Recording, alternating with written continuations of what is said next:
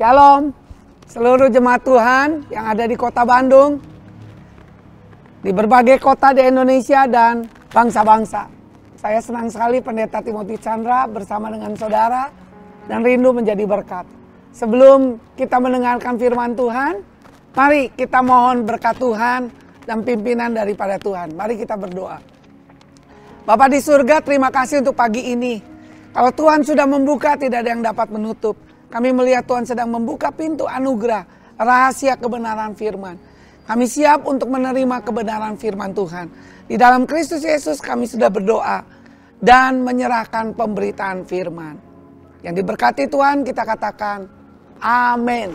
Saya ingin menyampaikan firman Tuhan iman yang mengalahkan badai. Sebelum saya lanjutkan, kita saksikan satu klip ini. Klip ini sangat memberkati saya.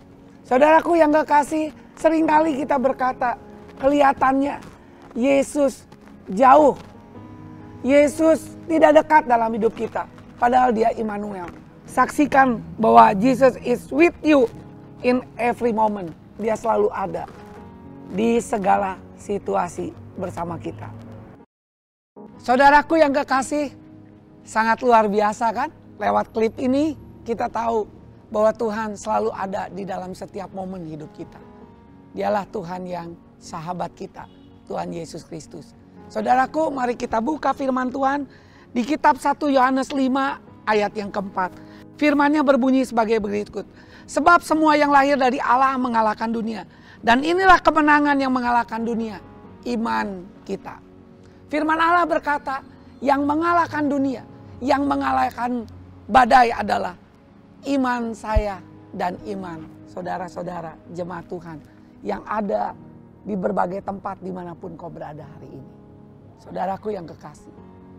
Berarti iman yang kita miliki. Iman yang bisa mengalahkan dunia, badai. Apa pun situasi yang kau hadapi.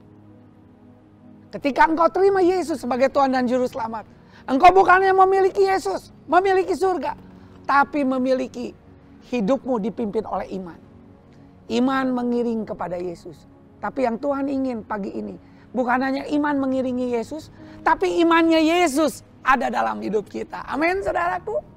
Tentu senang sekali kalau kita memiliki iman kepada Yesus. Enggak ada lagi kita harus bergaul semakin intim dengan dia. Ingat perkataan Yesus, kesusahan sehari cukuplah untuk apa? Sehari. Carilah dahulu kerajaan Allah dan apa? Kebenarannya maka sekaliannya akan ditambahkan kepadamu.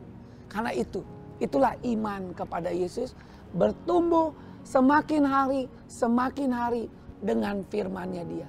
Maka kita akan lihat hidup kita semakin hari semakin serupa dengan Yesus. Dan tambah hari hidup kita dipenuhi oleh kemuliaan Tuhan. Saya ingat saudaraku, waktu saya belajar sejarah Jepang, ada satu jenderal yang sangat terkenal namanya Jenderal Nobunaga yang hidup pada zaman Shogun. Kalau ingat Shogun, nah satu kali Jenderal Nobunaga memotivasi prajuritnya yang sudah memble, yang prajuritnya sudah takut menghadapi perang dan menghadapi musuh kayaknya nggak mungkin kalah. Dan satu kali tahu-tahu Jenderal Nobunaga membawa satu keping uang yang gambar sebelah kirinya gambar kaisar. Sebelah kanannya gambar nilai mata uang yen. Dan dia bilang, kalau nanti saya lempar dan keluar gambar kaisar, kita akan menang. Kita akan menang. Kalau keluarnya nilai mata uang yen seperti ini, maka kita akan kalah. Dan akhirnya dia mulai lempar saudara. Ah mulai lempar. Oh betul yang keluar adalah gambar apa? Kaisar. Dan dia bilang, jangan ragu, jangan takut. Walaupun pasukan kita kurang, kita akan apa? Menang. Dan akhirnya mereka pergi dengan optimis, pergi dengan berani, dan akhirnya sejarah mencatat Jenderal Nobunaga dengan pasukannya bisa mengalahkan musuh. Ketika pulang, ada seorang prajurit yang bilang ini, enak ya kalau perang dimotivasi seperti ini. Dan akhirnya Jenderal Nobunaga memanggil prajuritnya. Sini, kamu lihat mata uang yang saya bawa. Dan dia kaget. Karena mata uangnya dua-duanya gambar kaisar saudara. Gambar kaisar. Jadi kalau mau dilempar apa pun yang keluar apa? Gambar kaisar. Dan dia bilang sambil memegang pundak anak buahnya. Jadi jangan takut menghadapi apa pun. Percayalah kita akan bisa memenangkan pertempuran. Dan saya mau kasih pesan ini kepada jemaat. Tanda orang percaya adalah tidak ragu, tidak takut, tidak bimbang, saudara. Jadi kalau orang tidak percaya adalah orang yang hidup dalam ketakutan, hidup dalam keadaan bimbang dan ragu. Saudaraku yang kekasih Alkitab bilang, Tuhan tidak pernah memberikan roh kepada kita roh ketakutan, tapi memberikan roh apa? Kekuatan, kasih, ketertiban, bahkan dia memberikan damai sejahtera, shalom. Dan saya percaya shalom ada di rumah saudara. Shalom ada di dalam diri saudara. Bahkan shalom pun ada di Indonesia dan ada di bangsa-bangsa saudaraku. Yang kekasih dalam Tuhan. Setanlah yang selalu menebarkan. Meneror kita dengan ketakutan. Dengan roh yang membunuh dan membinasakan. Karena Yohanes 10 ayat 10 bilang apa? Setan datang, pencuri datang selalu apa? Mencuri, membunuh, dan membinasakan. Hati-hatilah setiap anak Tuhan. Hati-hatilah setiap kita kalau dengar sesuatu. Karena lebih banyak hari ini yang kita dengar bukan berita sorga. Berita apa? Setan saudara. Yang selalu berkata apa? Kamu pasti bangkrut kamu pasti hancur, kamu tidak bisa apa-apa. Tapi kalau ada berita yang kata-kata itu yang tidak sesuai dengan firman Tuhan, saya sebagai hamba Tuhan, jangan dengarkan. Sekali lagi, jangan dengarkan, apalagi mempercayai. Amin saudaraku. Yang kekasih dalam Tuhan. Takut, ragu, dan bimbang adalah tanda orang tidak percaya. Karena ketakutan itu adalah stres, sakit, kematian, kemiskinan, itu semuanya dari setan. Karena Yesus datang supaya kita memiliki hidup dan memiliki hidup yang kelimpah. Yesus sudah bangkit. Ada hari esok. Karena itu firman Tuhan bilang, berdirilah teguh, jangan goyah, giat selalu dalam pekerjaan Tuhan. Karena jeripayamu di dalam persekutuan dengan Tuhan. Itulah imannya Yesus. Tidak akan sia-sia. Saudaraku yang kekasih, bahkan Ayub 3 ayat 25 bilang apa? Karena yang kutakutkan itulah yang menimpa aku. Saudara hati-hati. Yang saudara takutkan itu yang datang menimpa saudara. Dan yang kau cemaskan itulah yang mendatangi aku. Wah kayaknya perusahaanku bangkrut. Apa? Akan terjadi bangkrut. Oh saya nggak akan bisa melewati ini. Saya sudah 20 tahun kerja tapi harus dirumahkan. Bahkan saya harus diberhentikan. Sepertinya Kenapa kok Tuhan jauh dari saya? Apalagi hari ini saya harus masukkan anak saya ke SD. Yang nomor dua, yang nomor satu ke SMP. Terus kita penuh dengan ketakutan. Tapi saudaraku yang kekasih, mari kita pegang kata-kata firman Tuhan. Kita beriman. Karena iman itu selalu mendatangkan bukan sakit, bukan stres, tapi kesembuhan. Oleh bilu-bilunya kita menjadi apa? Sembuh. Saudara pun yang sakit apa pun, yang hari-hari ini menantikan kesembuhan, percayalah Allah kita adalah Allah penyembuh dan sudah selesai dia lakukan oleh bilu-bilunya kita menjadi sembuh. Bukan hanya sembuh, kita hidup dan kita penuh dengan kelimpahan. Dia kaya, rela jadi miskin supaya aku jadi kaya. Puji Tuhan. Charles Spurgeon pernah bilang, iman yang kecil bisa membawa jiwamu ke surga. Iman yang besar bisa membawa surga ke dalam jiwamu. Karena itu jangan ragu, jangan takut, jangan bimbang. Saudaraku, ada beberapa prinsip yang penting yang saya mau sampaikan. Iman dan ketakutan tidak bisa bekerja sama. Saudaraku, iman dan ketakutan tidak bisa bekerja sama. Di mana ada iman, di sana tidak ada ketakutan. Di mana ada ketakutan, di sana tidak ada iman. Apabila iman mengetuk pintu, jika ketakutan membuka, maka iman akan lari. Jika ketakutan yang mengetuk pintu dan iman yang membukanya, maka ketakutan akan lari. Dosa terbesar adalah dosa tidak beriman dan tidak percaya bahwa Tuhan ada. Tuhan memberi upah kepada orang yang bersungguh hati, yang beriman kepadanya. Kenapa? Jika Yesus datang kedua kali, Yesus tidak bertanya yang lain kecuali, adakah iman di bumi ini? Saudara, ada iman gak di bumi ini? Bagaimana memiliki iman yang mengalahkan dunia atau mengalahkan badai? Saudaraku, yang pertama dengarkan firman Tuhan. Jadi iman timbul dari pendengaran dan pendengaran oleh firman Kristus Roma 10 ayat 17. Kata pendengaran atau mendengar dalam bahasa aslinya memakai kata rema.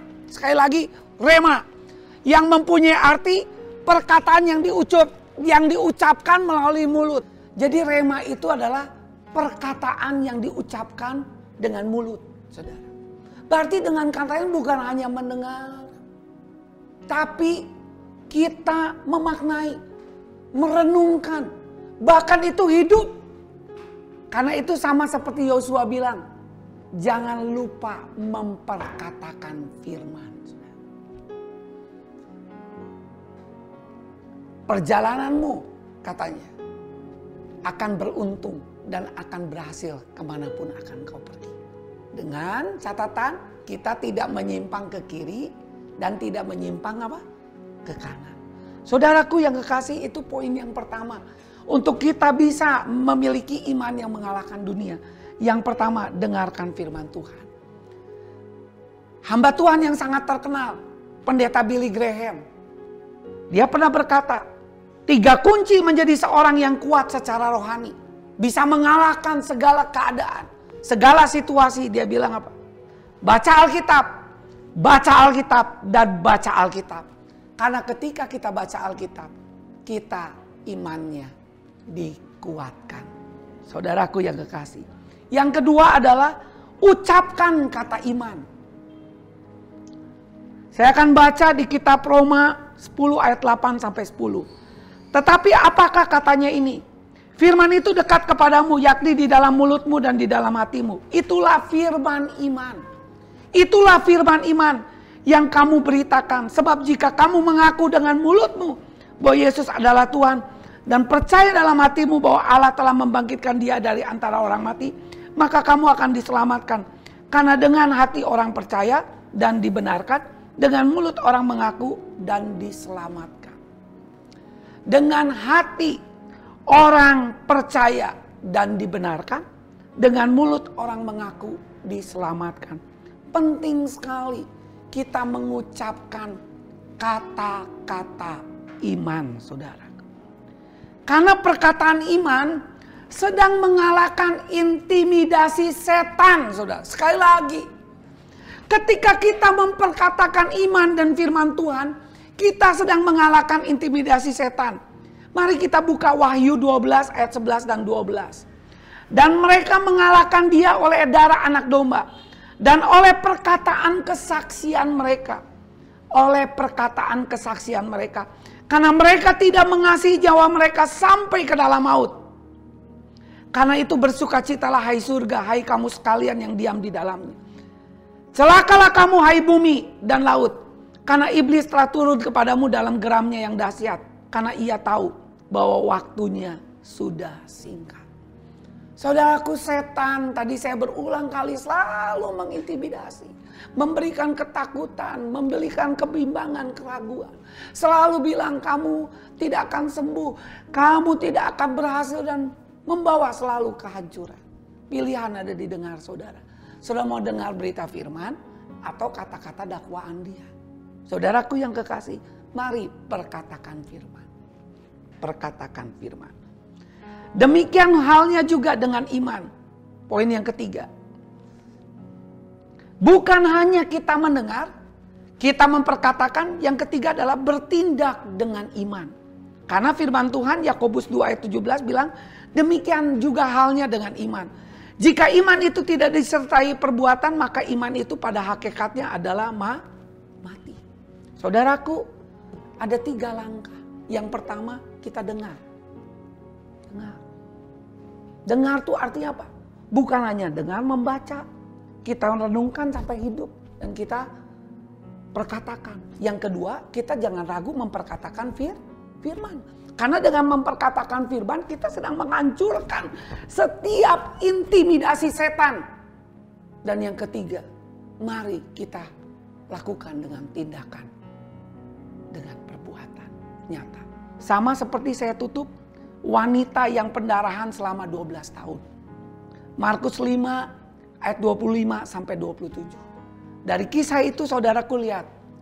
Waktu wanita itu dengar firman Tuhan yang diberitakan Yesus. Wanita itu berkata dalam hatinya, asalku jamah saja ujung jubahnya, pasti aku sembuh. Dia bukan hanya mendengar, dia bukan hanya berkata, apa yang dia lakukan? Dia mulai bertindak. Ketika dia bertindak dan mendatangi Yesus, Alkitab mencatat firman Allah mencatat ketika dia memegang ujung jubahnya Yesus. Seketika itu juga wanita yang pendarahan sembuh sakitnya. Saudara tuh tahu 12 tahun dia pergi ke mana-mana. Diobati oleh berbagai tabib. Tapi dia tidak mengalami kesembuhan. Tapi ketika dia dengar. Dia mulai perkataan asal kujamah jubah Yesus. Maka aku akan sembuh. Dan ketika dia mulai bertindak dan menjamah jubah Yesus. Alkitab mencatat dia akan sembuh. Mari saudaraku yang kekasih jemaat Tuhan. Jangan hanya mendengar. Jangan hanya tahu firman. Tapi perkatakan firman itu. Dan mulai bertindak dengan firman itu sampai engkau melihat kuasa Tuhan bekerja. Dan terakhir juga Yesus menyembuhkan hamba seorang perwira. Ini sungguh luar biasa di Matius 8 ayat 5 sampai 13. Ada seorang perwira Kapernaum dia memiliki seorang hamba yang sakit lumpuh. Dan bukan hanya sakit lumpuh dan Alkitab bilang sangat menderita. Dia seorang atasan yang baik. Kita pun kalau jadi atasan harus memperhatikan orang yang di bawah kita. Seperti perwira Kapernaum. Dia datang kepada Tuhan Yesus supaya Tuhan Yesus menyembuhkan hambanya, anak buahnya. Dan dia berkata kepada Yesus, Aku percaya, cukup katakan sepatah kata kepadaku. Aku percaya hambaku akan sembuh. Dan akhirnya Yesus berkata, pulanglah, jadilah sesuai dengan imanmu, sesuai dengan yang engkau percayai. Ketika dia tidak hanya mendengar, tidak hanya percaya perkataan Yesus, tapi dia mulai bertindak dan mulai mendatangi rumah anak buahnya dia ketika dalam perjalanan hambanya sudah sembuh dijamah oleh Tuhan. Saudaraku yang kekasih, saya tidak tahu masalah Bapak Ibu, saudaraku yang kekasih di dalam Tuhan. Tapi percayalah, Tuhan punya jalan keluar. Asal kita mau banyak baca firman, menyediakan waktu, teduh bersama dengan dia, mendalami, merenungkan, sampai menjadi kekuatan, kepastian. Kita juga tidak ragu memperkatakannya dan kita mulai bertindak. Ketika mulai situasi, kondisi meragukan kita, kita tetap percaya dan mulai bertindak. Yang sakit berkata, aku sudah disembuhkan. Aku sudah dijamah Tuhan. Yang sedang mengalami masalah perusahaan saudara, mengalami hambatan, aku percaya. Perusahaanku sebentar lagi akan ditolong Tuhan. Semuanya akan baik-baik. Anak muda pun akan lulus kuliahnya. Walaupun orang tuamu mengalami apa pun. Tuhan akan mencukupkan segala keperluannya. Dialah Yehova Jireh. Karena itu majulah Tuhan memberkati saudara. Engkau punya iman yang mengalahkan badai. Apa pun dalam hidupmu. Bravo Tuhan memberkati kita. Mari kita tundukkan kepala dan berdoa. Saya tidak tahu apa yang sedang terjadi di dalam saudara. Mungkin saudara masih ragu di dalam hidup saudara. Saya tidak tahu ke mana. Kalau seandainya Tuhan panggil saya, saya tidak tahu. Apakah ke surga, ke neraka. Tapi saya yakin saya akan ke neraka karena dosa saya besar. Dan saya selalu gagal dalam hidup ini. Kalau engkau ingin menerima Yesus sebagai Tuhan dan Juru Selamat. Taruhlah tanganmu di dada. Dan saya ingin berdoa untuk engkau. Silakan jangan ragu, jangan takut. Kalau ada suara bilang jangan, jangan itu datangnya dari setan. Karena setan ingin membinasakan dan membunuh engkau. Tapi Yesus datang untuk memberikan hidup yang kekal dan menyelamatkan engkau. Mari, jangan ragu. Taruhlah tanganmu di dada. Ikuti doa saya. Tuhan Yesus, terima kasih. Pagi ini saya tanpa ragu, tanpa bimbang, tanpa takut. Saya menerima Yesus sebagai Tuhan dan Juru Selamat. Terima kasih untuk anugerahmu pagi ini. Ampunilah segala dosaku dan segala kesalahanku. Basuhlah aku dengan kuasa darahmu, Yesus Kristus. Yang sanggup mengampuni, yang sanggup membenarkan hidupku. Dan catatlah namaku dalam kitab kehidupan. Ketika engkau datang kedua kali, aku bersama dengan engkau sampai selama-lamanya. Terima kasih Tuhan Yesus untuk anugerah keselamatan yang kau sudah berikan untuk hidupku.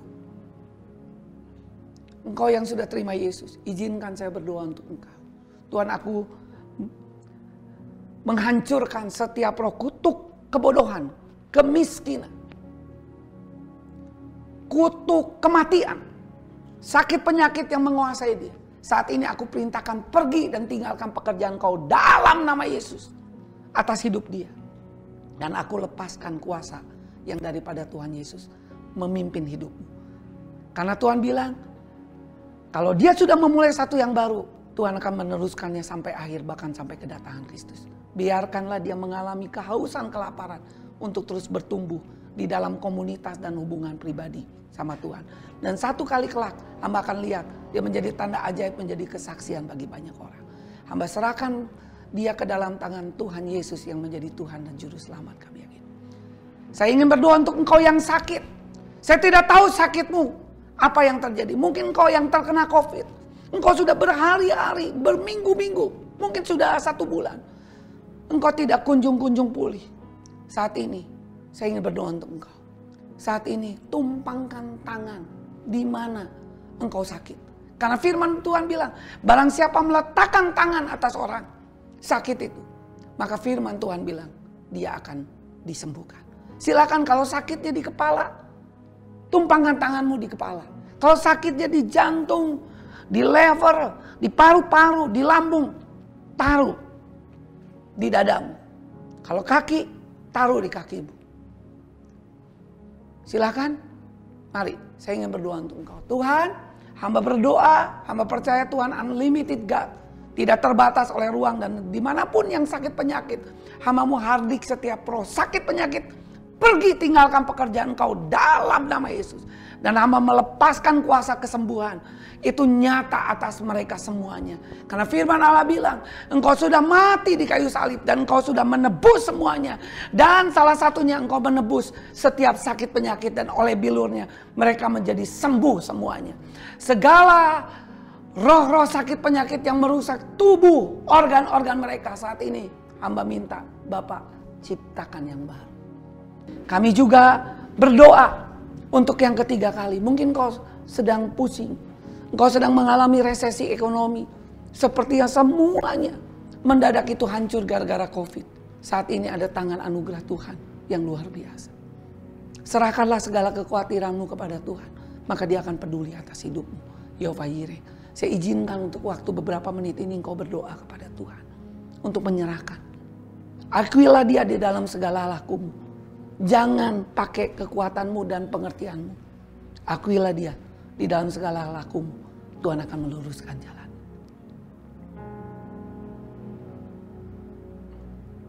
Tuhan terima kasih. Lihatlah apa yang dia serahkan. Segala ketakutan, kebingungan dan sebagainya. Bahkan bukankah kau berkata janganlah kamu khawatir tentang apa pun juga. Tapi nyatakanlah segala kekhawatiranmu di dalam doa. Permohonan dan ucapan syukur. Lihatlah doa mereka Tuhan. Hamba berdoa supaya damai sejahtera yang melampaui segala akal dan pikiran memelihara hati dan pikiran dia di dalam Kristus Yesus. Sehingga dia bisa berkata segala perkara dapat kutanggung di dalam dia yang memberi kekuatan. Saudaraku angkatlah kedua belah tanganmu terimalah berkat. Damai sejahtera dari Allah Bapa yang begitu berlimpah-limpah. Yang menyertai Abraham, Ishak dan Yakub itu juga memberkati engkau secara berlimpah-limpah. Tuhan tidak pernah berubah dulu, sekarang dan selama-lamanya dan dia tidak tergantung oleh situasi dan kondisi. Dia senang memberkati kita. Dia akan jadikan kau kepala bukan ekor, terus naik dan bukan turun. Tahun ini tahun double blessing untuk hidup saudara. Tahun percepatan dalam hidup saudara. Terobosan yang luar biasa. Tetaplah kuat, tetaplah engkau keep on fire.